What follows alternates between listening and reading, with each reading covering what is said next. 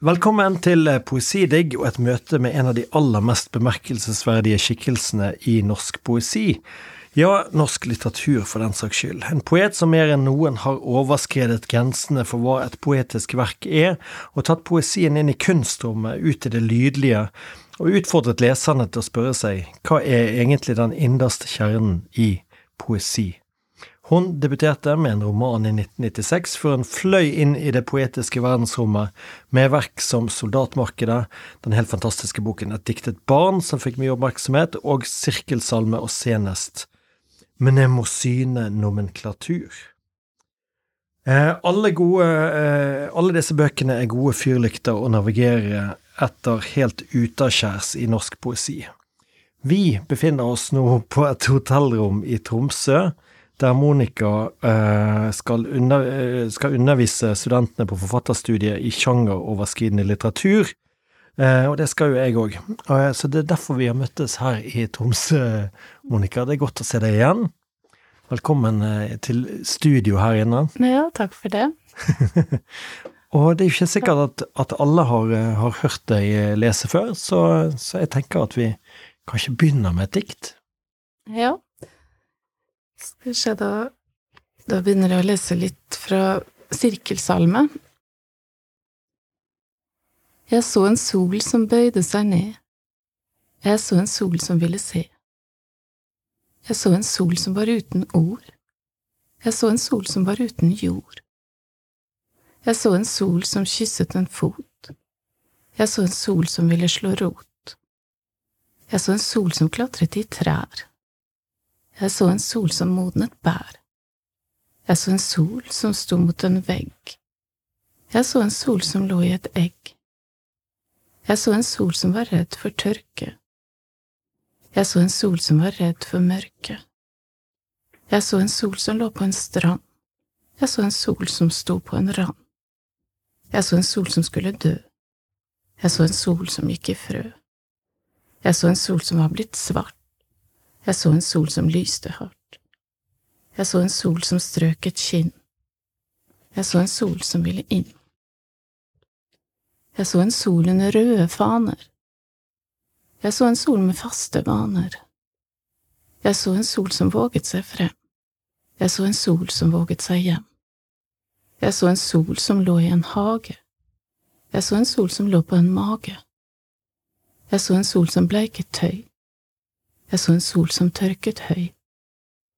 Jeg så en sol som tørket fjær. Jeg så en sol som kom for nær. Jeg så en sol som sto på et bygg.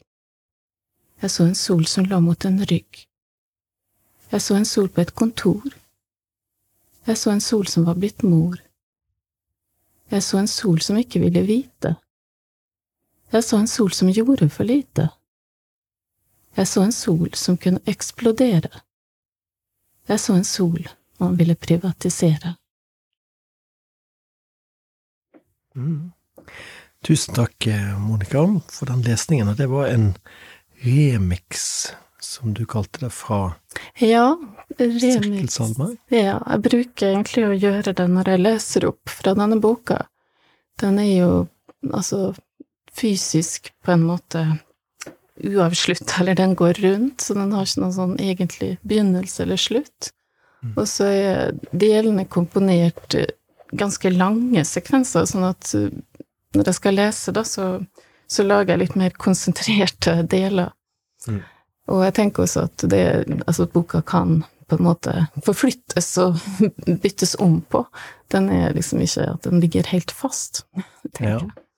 Ja, nei, de Jeg har jo denne en versjon av den. Altså, jeg var på biblioteket og skulle hente den, eh, og da, da brukte jeg en, en, stund på å prøve å finne, finne den, for den har jo ingen rygg heller. Den Nei, har, den, har spiralrygg.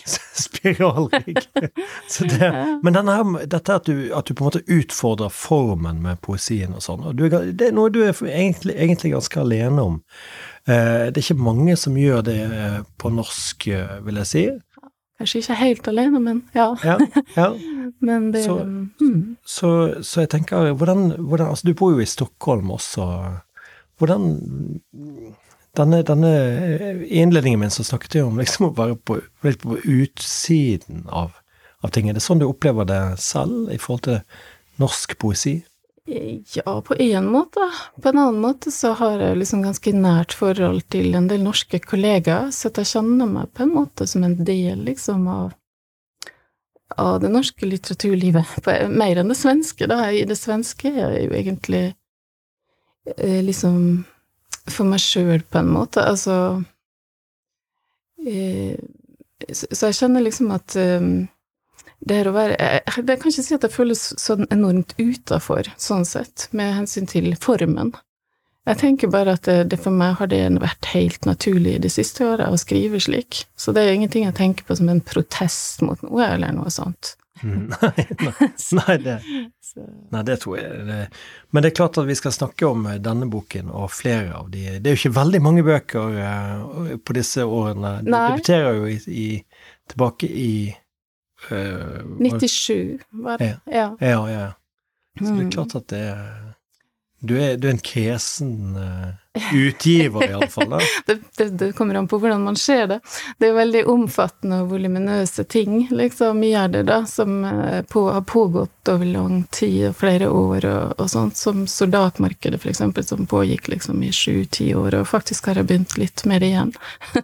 Og eh, Et diktet barn, som, eh, den var jo vel på 300, 300 ja. pluss sider, altså. Ja, litt sånn rundt 300 sider. Det um, eh, Men den, den, skiller seg litt ut, syns jeg, av, fra de andre verkene. At den er, selv om den er voluminøs og lang, liksom, så er den ganske mye en vanlig diktbok, tenker jeg på den som, da. Ja, ja det, og det er jo kanskje også det, den som har gitt mest gjennomslag, på en måte, for ja. leserne flest, holdt jeg på å si, eller at du, du fikk en slags kontakt med en, en ja. større leserkrets der. Ja, det kan man si. Den ble liksom tatt imot i avisene og, og sånne ting. Ja. Mens det andre er mer en smalere retning, liksom, kanskje. Mm. Mm. um, vi skal jo vi skal snakke om alle disse prosjektene, for det er virkelig ting som er gøy å snakke om også, for det er formmessig så, eller spesielle utfordringer med hver bok på, som, som, eh, som, som, lar seg snakke om. Da. Eh, men la oss ta oss og gå tilbake til, for det, det, jeg lurer på, er jo det at denne eh, romandebuten din mellom Alex Gobelev og meg, som den het, den, den, var jo Det var jo også en veldig, veldig lovende romandebut når den kom. Men, men, så, men så går du vekk ifra, fra den sjangeren, og så begynner du å søke mot, mot en poesi. Kan du fortelle litt om det som skjer i etterkanten av den debuten? Ja, altså det gikk jo faktisk ni år mellom den romanen og den neste boka, som var Soldatmarkedet, den diktsamling-delen av Soldatmarkedet. Um, og jeg tror at jeg gikk lenge og trodde at jeg skulle skrive en roman til, og det tror jeg redaktøren min trodde også. Eller det var en sånn slags at jeg sleit og holdt på faktisk med et romanmanus. Men så husker jeg at uh, kollega Gunnar Wærnes sa de mer befriende ordene, uh, at det går an å stumpe et manus. som en røyk. ja, som ja. en røyk. Og, det, og når jeg stumpa det romanmanuset, så frigjorde det noe, og, eller veldig mye, og da, da var det soldatmarkedet vella fram, kan man si. Ja. At jeg forsto at jeg ikke trengte å uttrykke meg i romanform. Men man kan jo også si at den første, eller den ene romanen, da, som var debuten, den er jo også litt monoman og repetitiv og mm. altså uten noen avsnitt, og så teksten er jo som en lang blokk. Så jeg tenker på en måte at den former seg litt i slekt med de senere bøkene også. Ja. Du begynner ikke på forfatterskapet på nytt, på en måte. Det, du føler at den, den, tilhører forfatterskapet? Ja, på en måte gjør den det, selv om den er jo ja, langt unna. Og, men den, jeg husker at jeg var på et seminar, jeg gikk jo på forfatterstudiet i Bø når jeg begynte å skrive på den romanen, og da var vi og besøkte forfatterstudiet i København. Den tida Pål Borum levde fortsatt, og sånt. Og da var Kjell Askildsen der på et forfatterbesøk. Og jeg husker at han sa om sin metode at han så på teksten som et strikketøy. Strikketøy? Ja, strikketøy. At hvis det var noe som skurra, så rekte han opp teksten liksom ned til det punktet der det begynte å skurre. Og det var en sånn slags dogme som jeg på en måte begynte å bruke, da, at, uh, med den teksten. Sånn at den er på en måte forma litt som en blokk. Og, um, og at jeg alltid leste hele teksten som jeg hadde skrevet fram til da, før jeg begynte å skrive, og det ble jo ganske mye på slutten. Ja, det er jo For å hensette meg. Å lese en hel roman Ja før du Den er jo kort, da. Den er 80-90 Ja, ja. sider, men uansett, det ble jo noen sider, selvfølgelig. Men det fordrer jo også en kronologi, eller at du liksom at, at du skriver frem noe Altså, dagens, dagens unge, holdt på å si, alle som er født med internett og et Word-program, vil jo synes at dette er rart, da, fordi at det, For dette må jo være på skrivemaskinens eh, tid, rett og slett. Fordi at, fordi at Nei, det var på PC, ja. Det var på PC? Ja, det var på PC. Ja, ja. Gammel, firkantig PC. Ja, ja, ja. ja. Mm. ja nei, jeg tenker for det, Vanligvis ville man bare gått inn og forandret litt her og der. Ja da. Sant? Men, Kan hende at jeg gjorde bitte litt, jeg er ikke helt sikker på om det var 100% men man kan si at sånn hovedsakelig fulgte det dogmet, da. Ja. Så Det mm. er interessant. Men det, men det Bø, altså. Så, så, Ja. Og da var du med en ganske fin gjeng, var ikke du det? Eller? Jo, eh, det var jo mm, Kristine Næss og Åsne Linnes og Hanna Hallgren og Ja, det var det er flere som har blitt forfattere, Ingvild Solberg og Så det var, det var veldig fint, og veldig mange ulike stemmer, Mm. var det. Så mm. En, ting, en ting som jeg Hvis jeg tenker på det som skjer i Og du bodde jo også i Bergen eh, noen år eh, der eh, Ja. etter debuten. Ja, ja, i ti år. Eller altså fra jeg begynte å studere i Bergen, og frem til jeg flytta, var det ti år. Mm. Ja. Og det jeg tenker på på den tiden, det er at, at vi får jo inn noen inntrykk fra, fra Sverige og kunstscenen. Audiatur oppstår, Bergen Poesifest. Det, er jo, det er på en måte litt sånn at kunstfeltet inntar jo vår verden, nærmest. Ja, jo, det gjorde jo det. Ja, og så var det liksom det her Teatergarasjen og Bergen Internasjonale Teater og Carte Blanche og, og Mm. Poesifest, som du og Mm. Espedal og hadde. Det hadde jo enormt mye å si, de poetene som dere brakte til Bergen, da, kan man si. Mm. Danske og svenske og ja. Og det var jo gjerne folk som nettopp utfordret formene eh, Ja. og sjangeren eh, ved å ta vekk virkemidler og Ja, Ja. Ja, det var jo mer eksperimentelt, da, som det heter. Jeg er ikke så glad i det ordet, for det er liksom som at, at det er et ord som man bruker å hakke på, liksom eksperimentelt. Ja. Men det er jo mer Jeg er helt enig. Det høres helt sånn det, Ja, det høres litt teknisk ut, på en måte. Ja, altså, og, og litt sånn uten ansvar, uten noe liksom eh, det, det er bare eksperimentelt. Det høres ut som det bare er en sånn boble. Ja, som om det ikke har noe med innhold å gjøre, på en måte. At det, jeg tenker at det er liksom ofte at man får høre at det skal være en motsetning mellom form og innhold. At hvis man tenker for mye på formen, så skal det gå utover innholdet. Det tror jo ikke jeg, da. Nei. Og eh, jeg tror at det er på en måte omvendt. I alle, fall tror jeg ofte at det er slik, hvis man da såkalt eksperimenterer, at man prøver å finne en form som kan bære et innhold man bærer på. Ja, ja. Og at det er som man Men jeg tenker at i visse andre, f.eks. i musikk, altså Arne Norheim og Maja Ratch, altså de snakker jo fritt om å være av Eller Maja snakker om å være avantgarde og eksperimentere, så det virker som det kanskje er litt mer belastende i litteraturmiljøet å bruke de uttrykkene, på en måte. Mm, mm. De, de føles som det er noe som sånn historisk, eller som vi er ferdig med. Ja, ja, ja. Så, Vi snakket, jeg snakket nettopp med Øyvind Berg, eh, som er i episoden før deg, og da Han eh, opprettet jo Baktruppen, altså, Ja, som, som rett og slett at vi kommer ikke i fortoppen, vi er ikke avantgarde, vi, vi er de som kommer etterpå.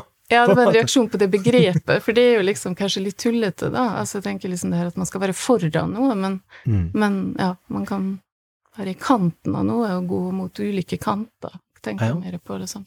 Jeg forbinder jo det litt fra den tiden med, med, med litt sånn landmark og audiatur, og på en måte at du, du, du går litt sånn i, i, litt i kunstkretser der, og soldatmarkedet oppstår vel også i den konteksten. Ja, og soldatmarkedet, det ble liksom, det utvikla seg jo mer og mer mot Altså, det gikk mot visuell, et visuelt uttrykk og et lydlig uttrykk, sånn at det brakte meg på en måte til kunstskolen også. Det var jo egentlig med de arbeidene som jeg søkte inn på Kunstfag, der jeg var eh, sånn her, hva heter det, hospitant. Og så Og det, det er da kunstfag i Stockholm, Ja, Kunstfag i Stockholm, ja, på Mm. institusjonen. som på norsk blir kunst, Kunstakademiet. Ja, eller ja, jeg gikk der seinere, i og for seg Kungs... eh, Hva heter det? Kunsthø Konsthøgskolen heter det i Ja, Sverige. ja, ja. Det som tilsvarer kanskje Kunstakademi eller Kunsthøgskolen. Men dere var prosjektstudent noen år etterpå, da. Så, så det har liksom ja, jeg tror at jeg sjøl har villet prøve å finne ut mer om hvorfor jeg har bevega meg i, ut i rommet, og opp på vegger og inn i lyd med litteraturen. Og at det har vært et bra miljø, liksom, å få ja, masse innspill og en annen måte å tenke tekst på, som man har i kunstverden. Ja. Ja, for det vil jo si at eh, selv om det var mye som forandret seg rundt 2000, så vil jo jeg si det at vi var fortsatt helt og holdent fanget i en tanke om at, eh, at, at uh, litteratur var bok. Ja. ja. Og det er jo kanskje det som, som smeller litt der, 2004-2005, at det blir performativt. Altså ja. at, at, at, det inntar rommet på en annen måte. Ja, litt sånn etter etterkant av kunsten. altså kunsten liksom, som har gjort det spranget lenge før, da. Ja. At mm. litteraturen er litt sånn saktere, kanskje, i det. Men samtidig må jeg si at jeg elsker jo boka. og egentlig ja. lengter jeg inn i boka hele tida, for det er liksom det, det rommet som er definert, og at det er en ramme som man Jeg vet ikke om man er trygg der, men i alle fall så er det liksom så klart. Det er bokas rom. Så at jeg tenker at de siste altså, bøkene har jo Det har virkelig vært bøker. ja, ja. Um, men uh, Men akkurat soldatmarkedet, den har jo en helt uh, en, en, særdeles spesiell uh, måte å tilblivelse på. For det soldatmarkedet er jo ikke bare én ting. Bare, bare, kan, kan, du forklare for lytteren hva, hva det er for noe? For, det, for dette, det, kommer jo i nye former igjen og igjen og igjen. Det, så det fins jo nesten ja. fire, fem, seks, syv forskjellige soldatmarkeder. Ja. Verk eller utgivelser. Ja, og det var liksom litt tanken, tror jeg. Så jeg tenker at nå med alle sosiale medier og ulike tråder, og parallelle tråder, så jeg tenker liksom at soldatmarkedet kanskje var en reaksjon på at man kjente at det var en medierevolusjon på gang også. At, at liksom den ble utspredd, eh, eller de spredde den, sendte inn ulike deler av den til ulike tidsskrift. Mm. Og så var det jo noe som liksom ble blåst opp og forstørra og hengt opp på vegger, og så var det noe som ble gjemt inn i arkiver, og det var noe som ble Altså uh, lydverk som lages i samarbeid med Maja Ratsja. Og, um, så det liksom gikk mange ulike veier, da, men en hovedting var vel liksom de her det som vi kalte, jeg begynte å kalle monofoner. Man kunne like godt kanskje kalle det monografer. Men det var liksom én bokstav som ja. uh, fylte sida, og så var det rupturer eller lakuner, åpne felter ofte i de. Ja, så du formet boksider med bokstaver, men, men i dette tilfellet én enkelt bokstav som gikk igjen, ja. og på en måte nesten mørkla deler av siden? Ja, og det var alle bokstavene i ordet soldatmarkedet som ja, Jeg husker spesielt T. Ja, T var egentlig etter hvert ble det hovedfokuset, kan man si. Ja. den vant, på en måte. ja, den vant eh, over de andre, på, og det hadde mm. lite grann med Ja, tittelen 'Soldatmarkedet' kan jeg bare si det også, da, at den fant jeg jo i Solstad-bok. Den mm. boka som um, ja, hva, Nå har jeg glemt datoen når han ble født. Berlin? Ja, han går rundt i Berlin. Det er en 16. i et eller annet i noen og 40 når han ble født, heter boka. Og, og det er et sted i Berlin, ikke sant? Ja. Eh, Gendarmenmarkt, som er foran konserthuset i Berlin. Som han har oversatt med Soldatmarkedet. Ja. Og eh, det er kanskje ikke helt Det sa han sjøl også, korrekt oversettelse, for det er et slags militærpoliti, nesten, da, gendarmer. Ja. men men det spiller ikke så stor rolle. Det var ordet som interesserte meg da, og det, jeg tror at det blanda seg veldig for meg. For jeg kan jo si at utgangspunktet lite grann, tror jeg eh, Det var Eller jeg veit det også, det var jo den krigen mot terror. For jeg bodde i Berlin eh, høsten 2001, når den 9-11-terroraksjonen eh, var. Mm. Og når jeg kom tilbake til Norge og skrudde på radioen, husker jeg, i etter jul så var det full krig mot Afghanistan, og jeg var veldig forvirra, for jeg hadde hatt et veldig kontemplativt opphold i Berlin der jeg faktisk ikke hadde lest og sett nyheter noe særlig. Jeg hadde fått med meg dette at tårnene falt, men jeg hadde ikke fått med meg riktig etterspillet, så jeg, jeg forsto egentlig ikke hvorfor det hadde blitt krig, og så husker jeg ringte til mora mi og spurte henne men hvorfor, hvorfor har de gått inn i Afghanistan? Ja, de tror at det er terrorister der. Så jeg husker at hun svarte. Og eh, ja, hele denne krigen var veldig plagsom å være vitne til. Mm. Eh, så det var en bearbeidelse. Og så tror jeg at mange inntrykk blanda seg på et vis, fordi at jeg hadde jo også Jeg kommer fra Kristiansund, som ble bomba mm, veldig brutalt under Ja. første verdenskrig. Ja. Nei, andre verdenskrig, selvfølgelig, i 1940. Av eh, tyske bombefly, da. Og, så det var Når jeg skulle reise til Tyskland og flytte til Berlin, så husker jeg at bestefaren, morfaren min og De var liksom skeptiske. Det var som at de nesten ikke ville at jeg skulle Mm, flytte til mm. Tyskland og, og lære tysk og alt det der. Ja, ja, ja. Så det var liksom sånn Og, da, og i Tyskland fikk man jo virkelig bearbeida også mm, krigen og de, alle de minnesmerkene som finnes på Bebels plass og ved bokbordet og holocaustminnesmerket og det jødiske museet og altså så det, var, så det var liksom som at jeg tror at Og så leste jeg på toppen av det hele leste Bibelen når jeg bodde der. Og det er veldig mange soldater i Bibelen, både i Det gamle og i Det nye testamentet. Mm. Og så det var Jeg tror at liksom Det her at uh, krig, når den er langt unna i- tid eller geografisk, det blir spesielt å forholde seg til i tekst og i bilder.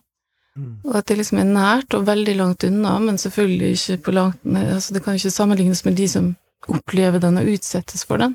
Mm. Men jeg tror at Mm. soldatmarkedet handler litt grann om de tingene som blander seg for meg, rett og slett. Jeg syns vi må kanskje få en liten opplesning fra en av versjonene, holdt jeg på å si. Eh, Det finnes jo to på biblioteket, iallfall. Den, ene- den ene har bare T-er, og så er det den andre der det faktisk er ord.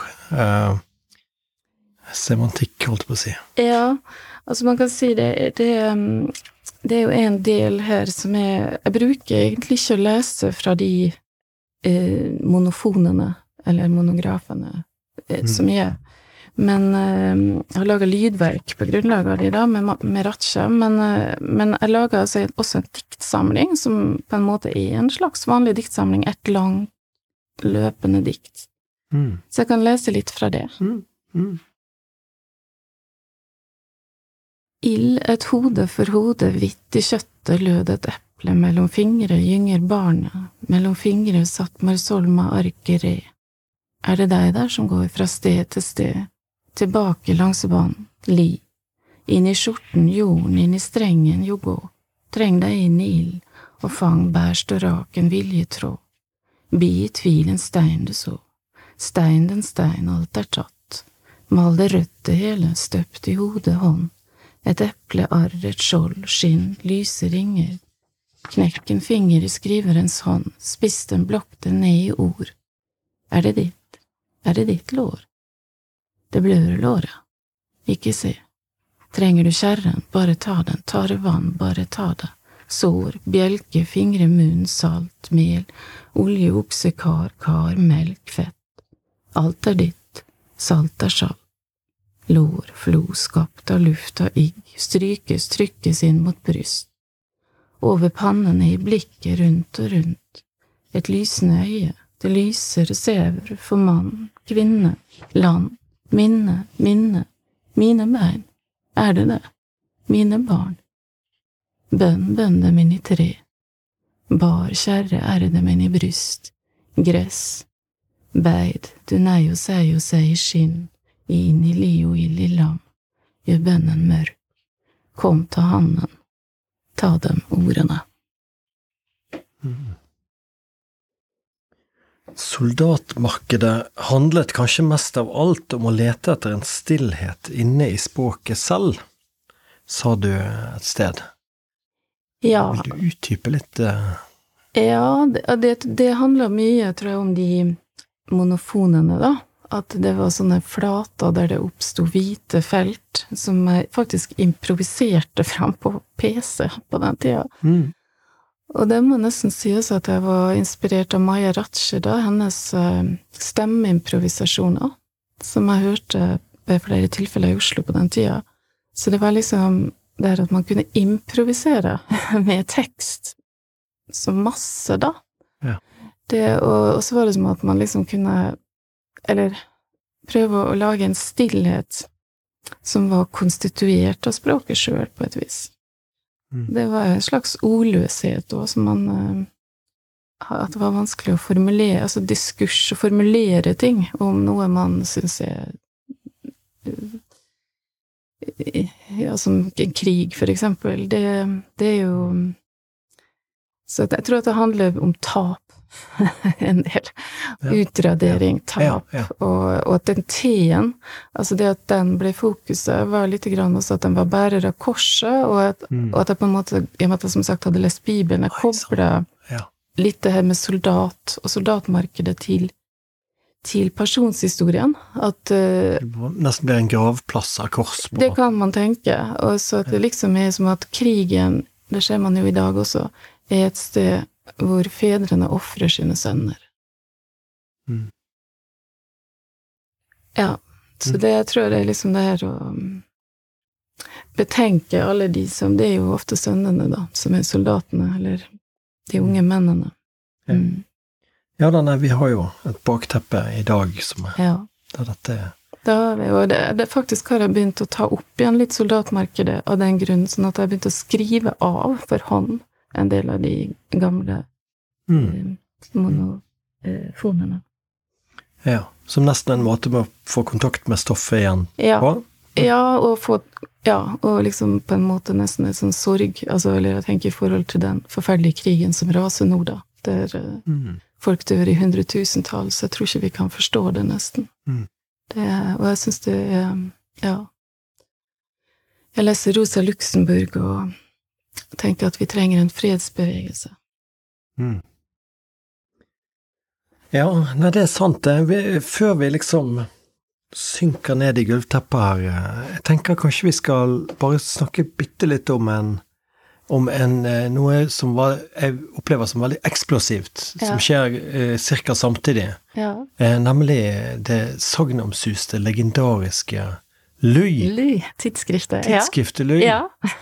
For det er en eksplosjon eh, av en helt annen art som skjer veldig, veldig kort i tid. Noen år der. Ja, det var ikke så mange nummer vi fikk ut, men eh, Men det er altså litt av en gjeng der. Det er Storholmen og Værnes og Ja.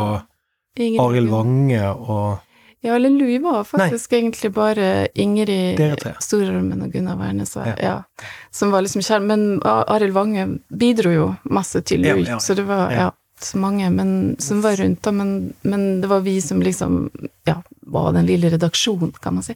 Men snakker om å sette agendaen, da. Dere, dere inntar jo rommet der med, med full kraft, og det er en veldig sånn DIY, eh, gjør det sjøl. Jo, det var jo litt det her vi dro til Bulgaria og satte oss sjøl i litt sånn språklig eksil og jobba liksom døgnet rundt med å skape det første nummeret. Ja. Så det var, det var veldig spennende tider, og de har liksom Ja, det er en sånn slags villskap i de også som, som var Jeg tror vi fant hverandre i en slags uh, villskap, Ja. hvis man kan si det sånn. Mm. Og det er jo virkelig tre forfatterskap som, som nettopp utfordrer, har utfordret norsk eh, litteratur da, fra forskjellige vinkler, men Ja, vi har jo alle jobba en god del med form eh, og innhold, da. ja, ja, ja, for all del. Så, men jeg tenkte på det faktisk med Louis, at vi, at vi vi var nå ganske politiske, men vi var så oppdratt til å ikke si at vi var politiske, fordi at det liksom ja. var på en måte Det skulle verket sjøl bære fram. Ja. Eh, det var et språk i seg sjøl som man ikke ville forklare det, men det, men det som da skjedde, var jo at vi faktisk ikke har blitt lest så veldig politiske, kjennes det som. Vet du hva, jeg tenker ikke på det i det hele tatt når jeg tenker på Louis. Eh, Eller, det, det, nei. for, det har forsvunnet. Ja, nei, vi hadde Ja. jo tekster som heter Krigshund og Huspostillene til Brest og, og ja, Ja. soldater. Så det, var, det fanns jo det, liksom. Men, eh, men det var jo ikke bare det heller, da. Det er jo alltid en blanding. Jeg tenker at et verk er liksom Altså det har så mange aspekter, og en del av det er jo det som leseren leser ut og tolker ut av det òg. Det har man jo ingen kontroll med, heldigvis. Og det ble bare fem nummer. Det var, Ja. Og det blir jo typisk sånn som tidsskrifter får sånn trippelnummer. ja det siste og, ja. samla vi opp en hel masse. Sikkert 400-500 sider. Det er sånn Ja. telefonkatalog. Det hadde jo også med at vi ble spredd geografisk, eh, liksom mer, sånn at det var litt vanskeligere å jobbe da. Men uansett så hadde vi kanskje ikke hatt kapasitet, for det er jo mye Å lage tidsskrift det er jo liksom det som er bra nå, at man ikke vet det når man starter. alt administrative og økonomiske ja, og distribusjonsspørsmål og sånt. Og dere kom jo til og med litt i hardt vær, jo ikke det? Altså, det var litt sånn debatter, Ja, Bendik debatt, Wold ja, og hele denne ja. Oslo-gjengen liksom var på, på der og, Ja, da, og skulle det- kritisere litt. Ja, de skulle kritisere, men jeg syns ikke det gjør noe. Det, man får gjerne kritisere. Eh, Det verste er jo egentlig når man forties, eller liksom ignoreres, da. Mm. Sånn at det at det finnes en liksom samtale rundt det, det, det er egentlig ikke noe problem. I alle fall ikke så, så lenge det finnes mange stemmer, eller ulike stemmer, da. Ja. Så Nei, men det var en veldig viktig, viktig tid. Det må, Og det må jo ha Så- gjort noe med kritikk altså Det var jo et veldig Selv om det var tidsskriftarbeid og redigeringsarbeid og et eh, kuratorarbeid, så var jo det, må jo det ha vært enormt kreativt. eh. Ja, da, det var, ja, det var jo det, vi skapte det jo også delvis, det må vi vel sikkert innrømme, for å få en plass å utfolde oss på en måte som vi kanskje følte at vi ikke fikk andre plasser, da, og prøve ut ting og sånt. Så, så det var med å frigjøre, tror jeg, for oss alle. Mm. Mye. Mm. Men vi er nødt til å snakke om et diktet barn, da, som, som på en måte er Og kanskje vi kan begynne med å høre litt fra, fra boken? Ja. Um, Så jeg har med en liten mindre versjoner. Den var så tung, så ja. Jeg, jeg hadde den i kofferten min, så Ja. jeg måtte sjekke inn. Jeg diktet et barn. Det gir meg ikke fred. Jeg ser det bli båret, jeg ser det bli båret, blodig og født. Nei, sier jeg til barnet, det er ikke slik vi skal se det. Nei, sier barnet, her skriker man. Jeg skal fortelle deg det eventyret du liker så godt. Det om ilden. Jeg møtte ilden i skogen. Ilden så meg og så på meg med skinnende øyne. Den kom nærmere og nærmere, og varmen varmet, fra armene gule, ansiktet rødt. Den stopper og spør. Blir du med meg inn i skogen? Bli med meg gjennom trærne, gjennom gresset, bortover marka skal jeg, under jorda, sa ilden, med munnen full av bark og stemmen full av blomster. Og jeg slo følge med den videre, gikk ved siden av den i mørket. Jeg viser vei, sa ilden. Gass til lampen, har du husket det, spør barnet, og blod til pelsen. Du ga meg en lampe av sølv. Nei, et hav var det vel, et hav.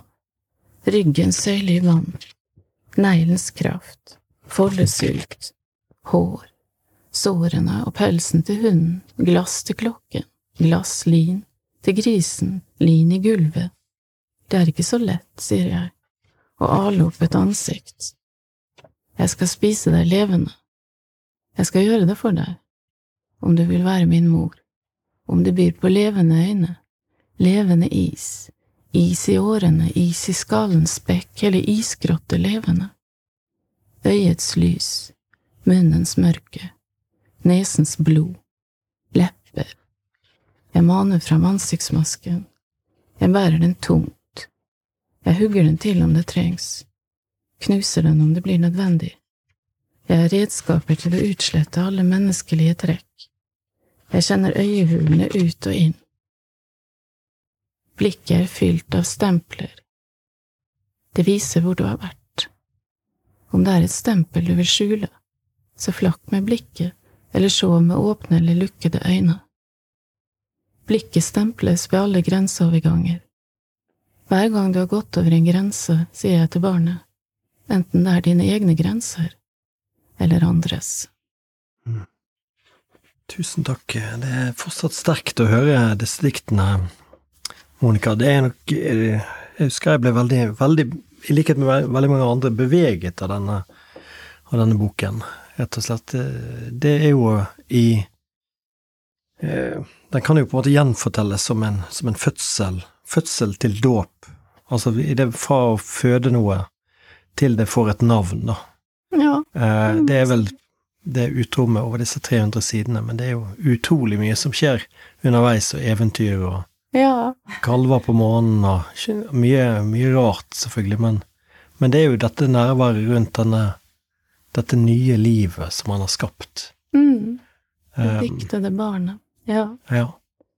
Jo, men altså, det er liksom Jeg har tenkt noen ganger at eh, at det, liksom Når den, den leses, da, så er det at man har lest den som mor og barn.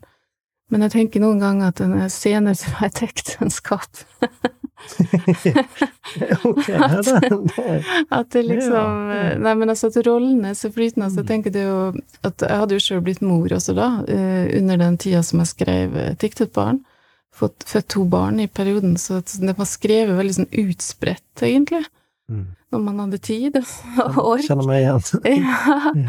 Og så ble den satt sammen etterpå. Men jeg tenker liksom at um, når man uh, I et kjærlighetsforhold så blir man jo av og til barn igjen, og så blir man voksen, og så bytter jo Pendler jo de rollene ganske mye. Man, man kan jo være Ja. og, og det blir man kanskje enda mer klar over når man også blir foreldre, da. Og, så det var som at jeg liksom når jeg ble mor, så ble jeg bevisst på meg sjøl som barn, og meg sjøl Ja. som forelder. Ja. Og, og at vi som, som kjærester altså også på en måte spiller ut mye av de rollene med hverandre. Mm. Mm. Så det var, jeg tror det var en bearbeidelse av liksom i alle retninger, egentlig. Ja. Så um, Mm. ja. Skjønner man. Ja. Det er mange nye roller i spill i en sånn fase, og, og ja, Ja. som man skal være. Ja, Mm. det, det er det. Mm. Mm. Det er sånn um, mm. Men selvfølgelig går jo da også an å lese den allegorisk, nærmest som Ja kunstneren og sin skapelse. Ja da, det går absolutt å lese den sånn på et metanivå på et vis, da. Det, det spiller jo med det, og det er jo det jeg tenker liksom med alle bøkene, at de har jo ulike aspekter, og man har jo ikke kontroll over alle aspekter heller sjøl, heldigvis. Heldigvis, Altså, tenker, og mye tenker man jo etterkant òg. Altså det, mens man skriver, så skriver man bare, og så begynner man å lure på hva man, hvorfor man gjorde det og sånt. Sånn er det for meg i hvert fall ganske mye. Og så eh, ja, er man kanskje i kontakt med, med noe, men det, jeg tror at man, både en, en leser generelt av alle bøker, litteratur, leser ei bok ulikt i ulike faser, og sånn er det med en sjøl, tror jeg. At man tenker ulikt om det etterpå, plutselig, hvordan man Ja. Jeg har for eksempel også det som jeg nevnte med soldatmarkedet, da, så tror ikke jeg at jeg var klar over hvor mye det kanskje var en bearbeidelse av Kristiansund og krigen, og de historiene som jeg hele tida hadde hørt, og ja, jeg hadde jo en farmor som mista sin mor i et bombeangrep og så videre, så det var historier som var veldig nære i oppveksten. Mm. Men jeg tror ikke jeg tenkte så nøye på det når jeg skrev og holdt på med soldatmarkedet, men det spilte med, det tror jeg ganske sikkert, i Mm. ettertid, da. Med det her tyske, liksom, og ja. Ja, virkelig. Men det som jeg leser ut av det, når jeg nå leste det igjen, det er jo på en måte det at altså, jeg legger merke til hvordan moren på en måte mer og mer slipper tak, må slippe taket av Ja, i sin si- skapelse. Ja, ja, ja. Ja. Og så blir det seg selv, på en måte. Obligo, Ja. for øvrig, Ja. blir navnet på dette barnet, et diktet barn. Som betyr forpliktelse, egentlig. Ja. Ja. Jo, det det er jo en slags maktkamp, da, mellom uh, mor og barn, eller den som har gitt liv, og den som har fått liv, Mm. som uh, pågår hele tida og vipper liksom litt i ulike retninger, men Ja. mm. Um, men det er jo en Ja, en, det er jo også en sent, sentrallyrisk krets her. Det er jo det, det er ikke den type eksperimenter, på en måte, her. Nei, nei, nei, det er overhodet ikke. Så den skiller seg litt ut, på en måte. Da tenker jeg i alle fall liksom når det gjelder det med diktene, at de andre har jo vært mye mer monomane og repetitive, og altså Ja. Noen vil si konseptuelle, det er heller ikke egentlig et ord jeg liker, men, men det er jo Alt er jo et konsept, kan man si. En vanlig diktsamling er også et veldig klart konsept. Absolutt. Så, så at man går inn i en ramme, da. Så, men eh, det var befriende for meg å skrive den, eh, et diktet barn. Altså for at jeg tenker heller ikke at det fins noen motsetning mellom det lyriske og det, da, det som da ofte kalles eh, konseptuelt eller eksperimentelt. Jeg tenker at det kan også finnes i det. Mm. Sånn at det liksom men, men så kan det jo være lettere å ta ut den sanglige delen da, i mer klassisk lyriske dikt, som det i hvert fall fins en del av i den Et diktet barn. Men den er jo også litt sånn episk, på et vis. Altså Hvordan eh, tenker du? Altså? Nei, at det liksom er som en vandring lite grann, eller altså at man kjenner at det er som en slags ferd som man er med på. Mm. Tror jeg, da. Ja. Ja, den er jo både på himmelen, himmelen og på jorda, så den er ikke helt Men Ja.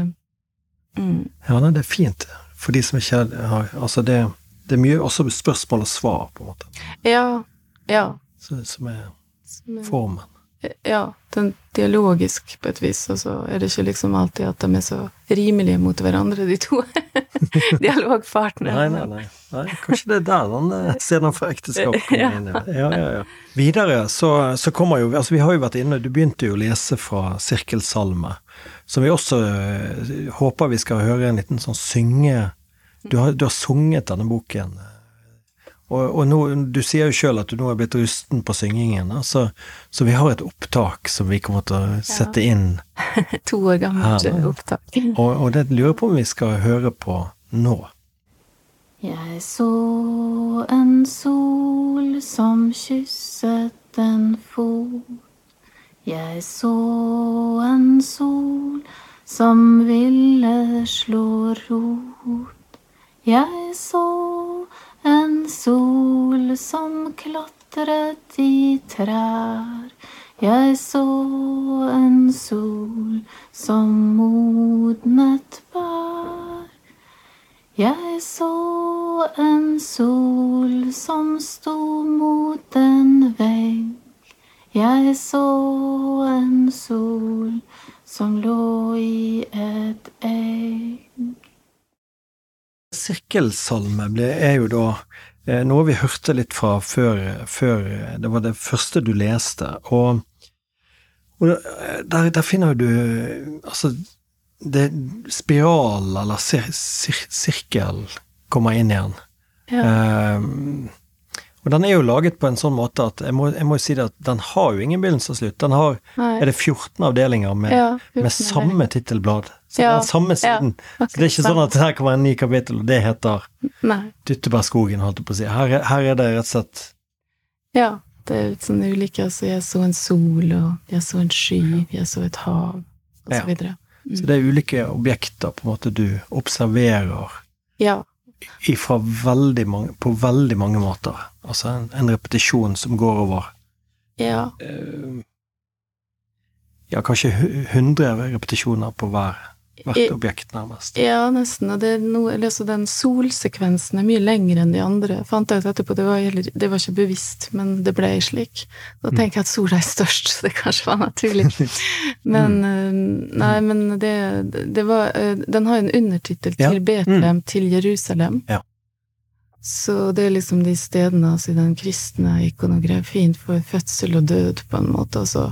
Mm. Og det var, den, den ble jo til etter en reise i Palestina på Vestbredden, som faktisk da var når jeg gikk på Konsthøgskolen i, i Stockholm som prosjektstudent. Så var vi et kurs av billedkunstnere og arkitekter, og ja, jeg var, den eneste forfatteren med fotografer og forskjellige kunstutøvere da, som eh, Og tittelen på kurset var 'Seendets og avbildandets historie'.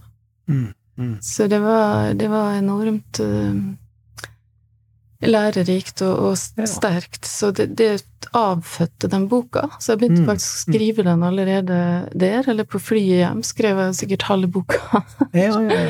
i et enormt eh, tempo. Så det ja var og, den, og den er jo gjennomkonseptuell, i den grad at du bryter ikke dette systemet. Dette er et system som etableres, og som du holder tvers igjennom. Ja, det er rimende kupletter, liksom. To Ja. linjer som rimer. Rim Enderim. Jeg Som- så en sol som Ja, øh, som bøyde seg ned. Jeg så en sol som ville se, Ja. for eksempel. Ja. Og så um, er det, det er nesten 1000 stykker, tror jeg. jeg tror over 900 i hvert fall, sånne kupletter totalt sett. Ja. Så, men eh, det var jo også, kan man jo si, altså utgangspunkt i en frossen krig, da, som det er mellom eh, palestinere Mm, og mm. israelere. Så det var, var en slags uh, reaksjon på det, men så følte jeg altså at jeg som privatperson, eller som person, har jo jeg mine veldig bestemte oppfatninger om denne konflikten, og, Ja.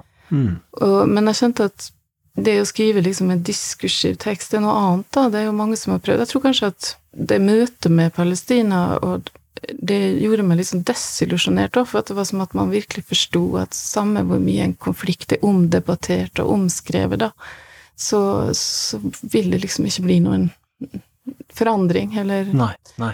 løsning på det. Så følte jeg liksom at diktformen var en slags sted å nesten søke tilflukt for alt det forferdelige der nede, og samtidig som det også fikk jo da altså, en slags klang av Bibelen, naturlig nok fordi at den utspiller seg i det området, og at man kjenner det området fra Bibelen. Det var jo det som var så rart også, at man liksom møtte da plutselig de stedene som man hadde lest om, som var mer pastorale, selv om det som sagt er jo mye brutalitet i, i Bibelen også.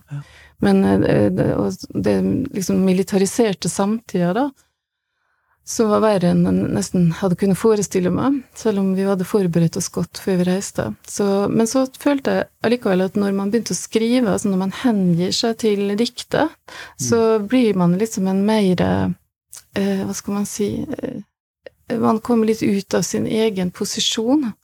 Ja, ja. sånn at mm. Eh, man kjente at man liksom ble nesten en mer jeg vet ikke om det er feil å si rettferdig dommer, men altså dom, Og dommer er man jo ikke uansett, men observatør, da, en som ser.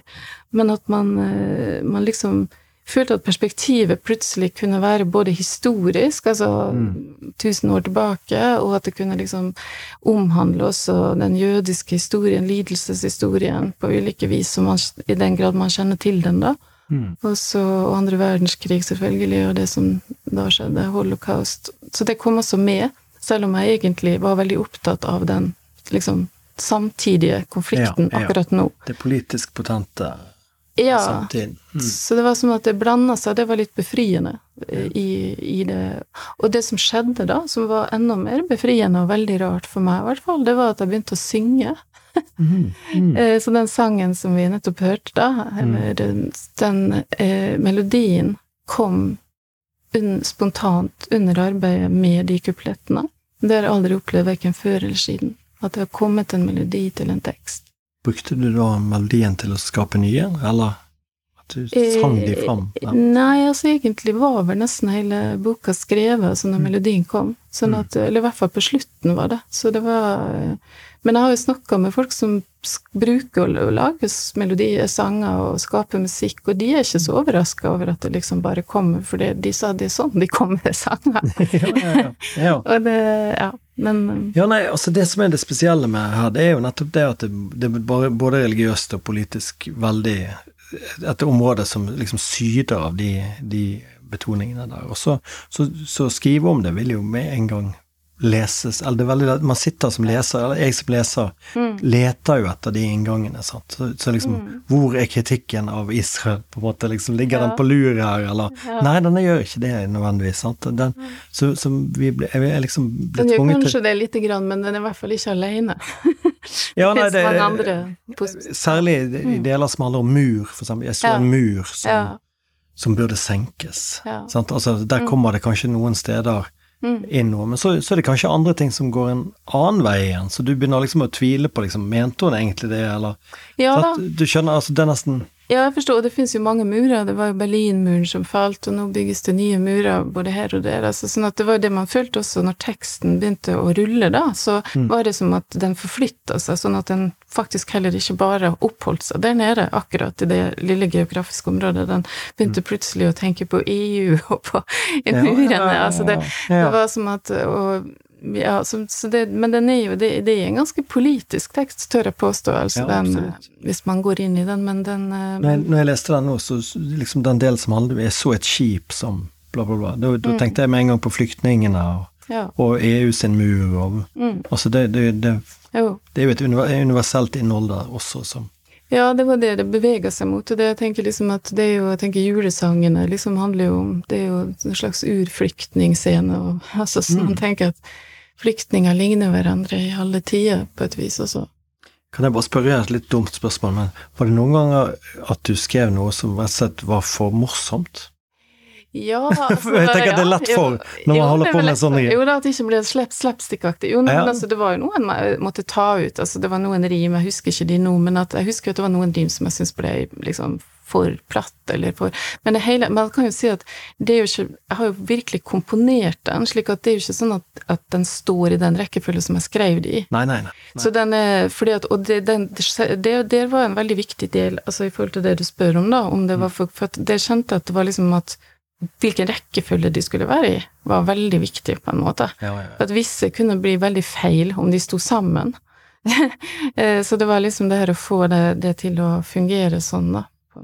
Så Ja, det er jo litt med, med, måten du jobber på og sånn, og du har jo du har en gang skrevet at det var altså at, at Jeg tror det var i den essaysamlingen din som heter Obligo, da, som, der skriver du noe sånn som at, at, at det er et kaos, altså at du, du prøver på en eller annen måte å beherske kaos ja.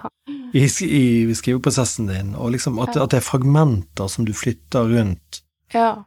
Det er mye, mye sånn du, du jobber, da. At du, du skaper et kaos, og så prøver du å Ja, det har vært sånn altså etter at jeg oppga den strikketøy-metoden, så har det liksom skulle håndt etter det. Ja, så har det blitt masse tråd, masse Mm. kaos. Jo, det er faktisk sant. Sånn at det er liksom det å prøve å finne mønster og prøve å Altså at det er et slags komposisjonsarbeid. Det føler jeg at både sirkesalme og nomenklatur, men i og for seg også et diktet barn var det, for det var også masse fragmenter som var skrevet på ulike tidspunkt, som ble komponert sammen etterpå.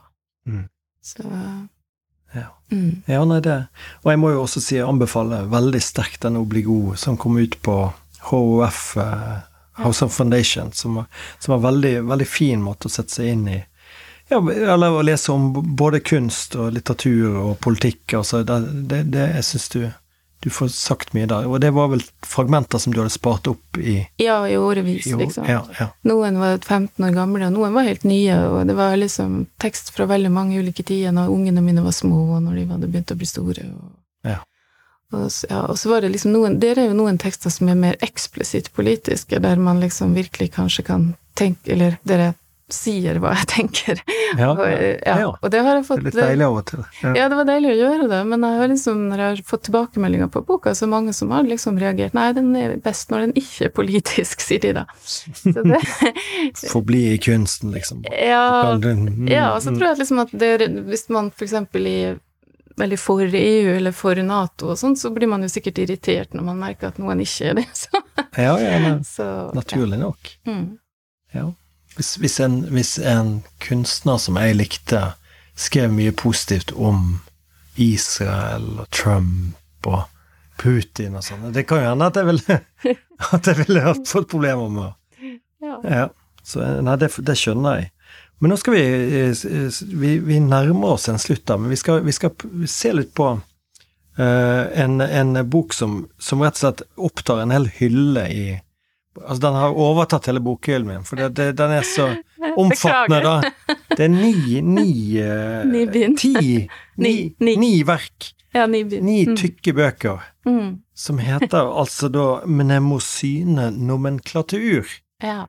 Eh, og mange tenker jo ni bind, dette må jo tatt eh, 20 år å skrive, og, og det tok jo mange år å skrive, men, men det er jo en. Det står ikke så mye på hver side, holdt jeg på å si. Nei. Så vil, vil du fortelle litt om, om, om hva dette er for noe? Ja. En niverksbok? Ja, det var det ikke tenkt som fra begynnelsen, så det er jo det også litt det vi begynte å snakke om, det med form og innhold. Altså. Jeg hadde jo først tenkt å skrive ei bok, liksom, eller å putte de navnene som jeg samla, for jeg begynte å samle navn. Ja. Man kan si at det starta med at jeg faktisk det ordet nomenklatur ramla ned i hodet mitt bare en dag. Og så begynte jeg å undersøke Hver dag, holdt jeg på å si. Nei, jeg liksom tenkte nomenklatur, altså det hadde jo Og så fant jeg ut på latin nomen carlo, sammenkalle gjennom navn. Og så var det jo den gamle nomenklaturene, maktapparatet i det gamle Sovjet, og, og, og ja, liksom terminologi, botanikk og alt mulig. Mm. Men, eh, men så begynte jeg å samle navn, og det var hadde liksom masse ulike motivasjoner, tror jeg. Ja. Personnavn. Ja, personnavn, ja. Personer mm. på offentlige, og det var viktig at det var personer som hadde vært i offentligheten, eller var i offentligheten, altså levende eller døde, da, historiske. Ja. Men Jesse Owens, Ja. Michael Gorbatsjov. Ja, for eksempel. Ja, Sånne ting. ja sånn, og, og ja, en del kunstnere og forfattere og sånt, og, og det, jeg tror det er litt over 2000 navn totalt, og det var en periode på fem år som jeg samla egentlig navn i alle mulige, altså samla det i bøker, i aviser, på reiser, når jeg samtaler med folk, eh, overalt, liksom, så dukker det opp. Så disse ni tykke bøkene består utelukkende av ett navn på hver side? Ja, og det var Eller og, og man kan til og med si på annenhver side. Fordi at Ja. en av liksom kjernen i det hele, da, og det var derfor jeg til slutt forsto at det måtte bli flere bind, Mm. det var at hvert navn skulle få sitt eget rom i boka. Ja. ja. Sånn at det, det skal ikke stå et navn på motstående side. Altså motstående side er blank. Oi, oi. Nei, da hadde du fått et eh, arbeid med, med disse parene. Ja, disse parene, sant. Da hadde jo Ja. det blitt komposi... Det er jo uansett en kompositorisk spørsmål hvilke navn som skal komme etter hverandre, men det er jo som du sier, hvis de hadde stått der på sa... Det hadde blitt noe helt annet, da. Du hadde fått litt sånn Fire stjerners middag-feeling, på en måte. Altså, det er litt sånn Ja, virker ikke som var sammenført. Ja, ja. Altså, ja, det, liksom, det kjennes som de nesten er sammenført øh, Ja, hva skal man si, nesten vertikalt, eller ja, det er jo horisontalt på en måte, da. De står på samme punkt, hvert navn, liksom, på annenhver side, da. Mm. Så Det er jo ofte som en sånn kunst eh, For det er jo på en måte nesten en installasjon, på en måte, vil jeg si. Da. ja, på en måte. Og, og, og det er jo det at når man forklarer det, så høres det litt sånn Å ja, ok. Ja vel, du gjorde det. Men, men eh, jeg har jo hørt deg lese fra det, og jeg har hørt deg Og jeg har sittet og så lest, faktisk, sånn som det skal Mm. an, Antar jeg leses. Mm. Med å bla, Ja. sånn som jeg ville gjort i en vanlig diktsamling. Ja. Og, og det skjedde virkelig noe med, med Det skjedde noe der på mange nivåer, vil jeg nesten si, da. Mm. Én ting er det, hvilke implikasjoner det har for hvilken verden vi er en del av, eller hva det sier om vårt samfunn, eller vår, ja. vår tid, og vår Ja. og sant, imperialisme og Ja. alt dette her. Og, men det andre er jo rett og slett eh, hva er et liv, nærmest. altså. Hva, hva, hva var det livet? Hva, Mm. hva var den ene setningen vedkommende fikk? Jeg husker for. Ja, den liksom På godt og vondt. Jo, det er jo en sånn slags fyrste. Og det var på bakstaven. ja, Altså, Ja. Du får gjerne én sånn ting som du er knyttet til deg. ja. Jo, så det er jo litt derfor også faktisk at eh, de har det kontemplative rommet rundt seg. Fordi at det var liksom å unndra dem litt fra de typiske kontekstene der de alltid bruker å være, da. Det er av og til i hierarkier, og av og til liksom i ja, i sammenheng med andre som har jobba kanskje med samme ting, men, men at liksom eh, Et menneske er jo andre ting før det som navnet blir forbundet med. Altså som barn, for eksempel, før det har eventuelt gjort en forbrytelse eller gjort noe veldig bra og fint. Sånn at jeg tenker at liksom det var verken noe æregalleri eller liksom noen gapestokk, at det ikke Det er ikke navn liksom for Det, det er mer navn som har vært med oss, da. Men også navn som også har vært glemt, eller ignorert ganske mye i historieskrivinga. Og det var jo et sterkt eh, incitament for meg, egentlig, å skrive kvinner inn i Ja. historien. Vi, vi tar dette opp på 8. mars. eh, Ja, det passer bra. Klara. Mm. Klara Zetkin er med i boka, hun, eller en av bøkene, og hun som var med sammen og innstifta kvinnedagen. Mm. Mm. Så nei, men det, det, det var det, Og jeg tillot ikke meg å telle kvinnene faktisk da, før etter at boka var gått til trykk, og da fant jeg ut at det var litt under en tredjedel som var kvinner Ja. Totalt sett. Selv når du hadde Selv når jeg virkelig hadde pusha. Ja, ja, og tenkt at de skulle inn, fordi jeg har liksom trøtna litt på de separatistiske utgivelsene, selv om de har vært nødvendige, da, som, som man har gjort, altså glemte kvinnelige arkitekter, glemte ja, sånn, kvinn... ja. ja, ja. Ja, det Mm. finnes jo masse sånne bøker som har vært nødvendige for at det har vært sånn de aldri har fått Ja, ja. plass. Men jeg tenkte at det liksom, det må jo komme til et stadium også der de får være sammen med de andre historiske ja, ja. aktørene, da. Mm. Og så var det liksom det her med hvem som Hvem får skrive historien, hvem får komme til orde, hvordan liksom Ja, det, blir det hvis man bruker poetiske prinsipper til å velge de ut, da? Altså både klanglige og semantiske, rytmiske, tematiske Det var liksom et sammensurium av ulike parameter som jeg brukte når jeg satte de sammen. Mm.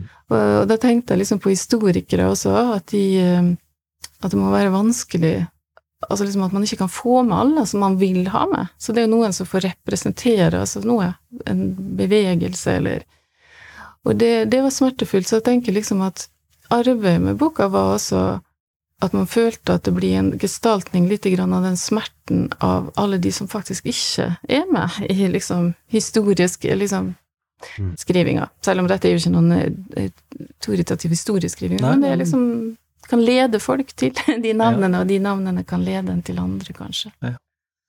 Så, Hva tenker du om de som har vanskelig for å se dette som dikt?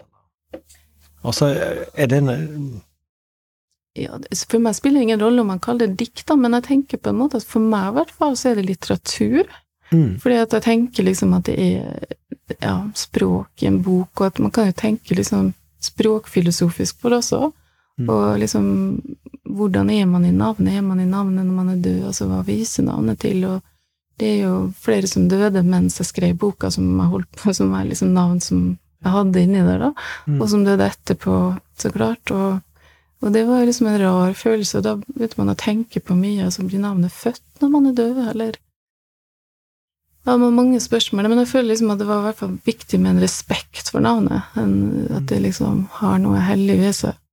Mm. Så ehm, Men de som ikke Altså, jeg tenker at det kom jo ingen anmeldelser. De sendte jo den rundt da til eh, tre-fire aviser, tror jeg. Det må ha kostet 1000 kroner Ja, det per Det var mange kilo, da.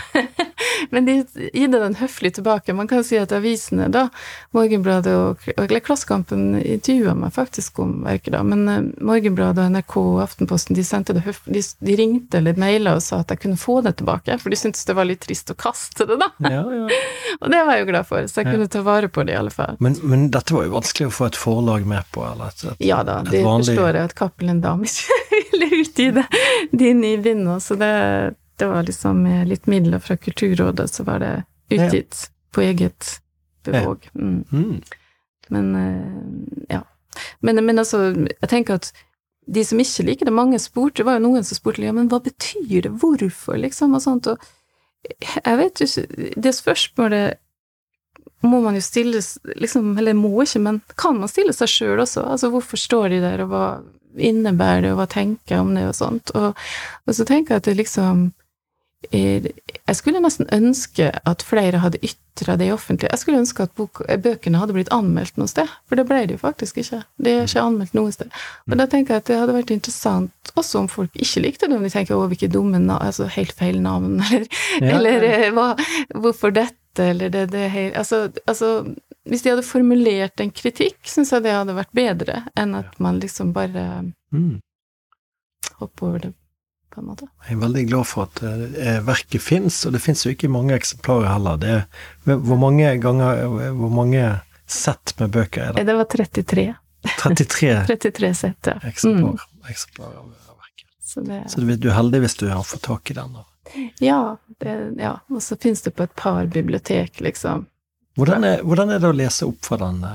Kunne vi hørt en eh, Ja, vi kan høre en sekvens. Det, det er liksom Der òg er det som at det er liksom visse deler som skulle være vanskeligere å lese enn andre, men som at man liksom får plukke noen deler som Det er en del som jeg har brukt å lese litt fra, som jeg kan lese, lese fra nå. Vjateslav Molotov Joakim von Ribbentrop Anna Bicont Ann Applebaum, Boris Eichenbaum, Erik Oyerbach, Michael Haneke, Ingeborg Bachmann, Chantal Akerman, Paul Celan, Louis Ferdinand Celine, Frans Ferdinand, Peter Handke, Frans Kafka, Helene Kafka, Helene Funke, Eva Hesse, Eva Braun, Peter Weiss, Peter Eisenmann. Emma Goldman, Sara Silvermann, Sonja Handelmann Meyer, Doris Fleischmann, David Grossman, Günter Grass, Bertolt Brecht, Raoul Hausmann, Mischa Ullmann, Sigmund Baumann, Claude Landsmann, Eyal Weissmann, Eyal Sivan, Steven Spielberg, Daniel Liebeskind, Liam Neeson, Meryl Streep, Etty Hillesum, Margrethe von Trotta, Avi Dichter, Gershom Scholem, Herschel Grunspan, Marek Edelmann, Avraham Shalom, Benjamin Netanyahu, Walter Benjamin, Benny Brunner, Mahmoud Darwish, Mahmoud Abbas, Edvard Said, Mona Hatoum, Maria Kasun, Lara Baladi, Akram Satari, Esal Sanun, Sumaya El Susi, Simon Sebag Montefiore, Dror More, Baron Edmund James de Rothschild, Lord James Arthur Balfour, Salomon Morell, Maximilian Kolbe, Moses Maimonides, Maya Abu al-Hayat, Mordekai Vanunu, Hanna Høg Hanna Arendt, Emmat Burnat, Khalil Rissas, Yasir Arafat, Yitzhak Rabin, Yigal Amir, Yahya Hassan.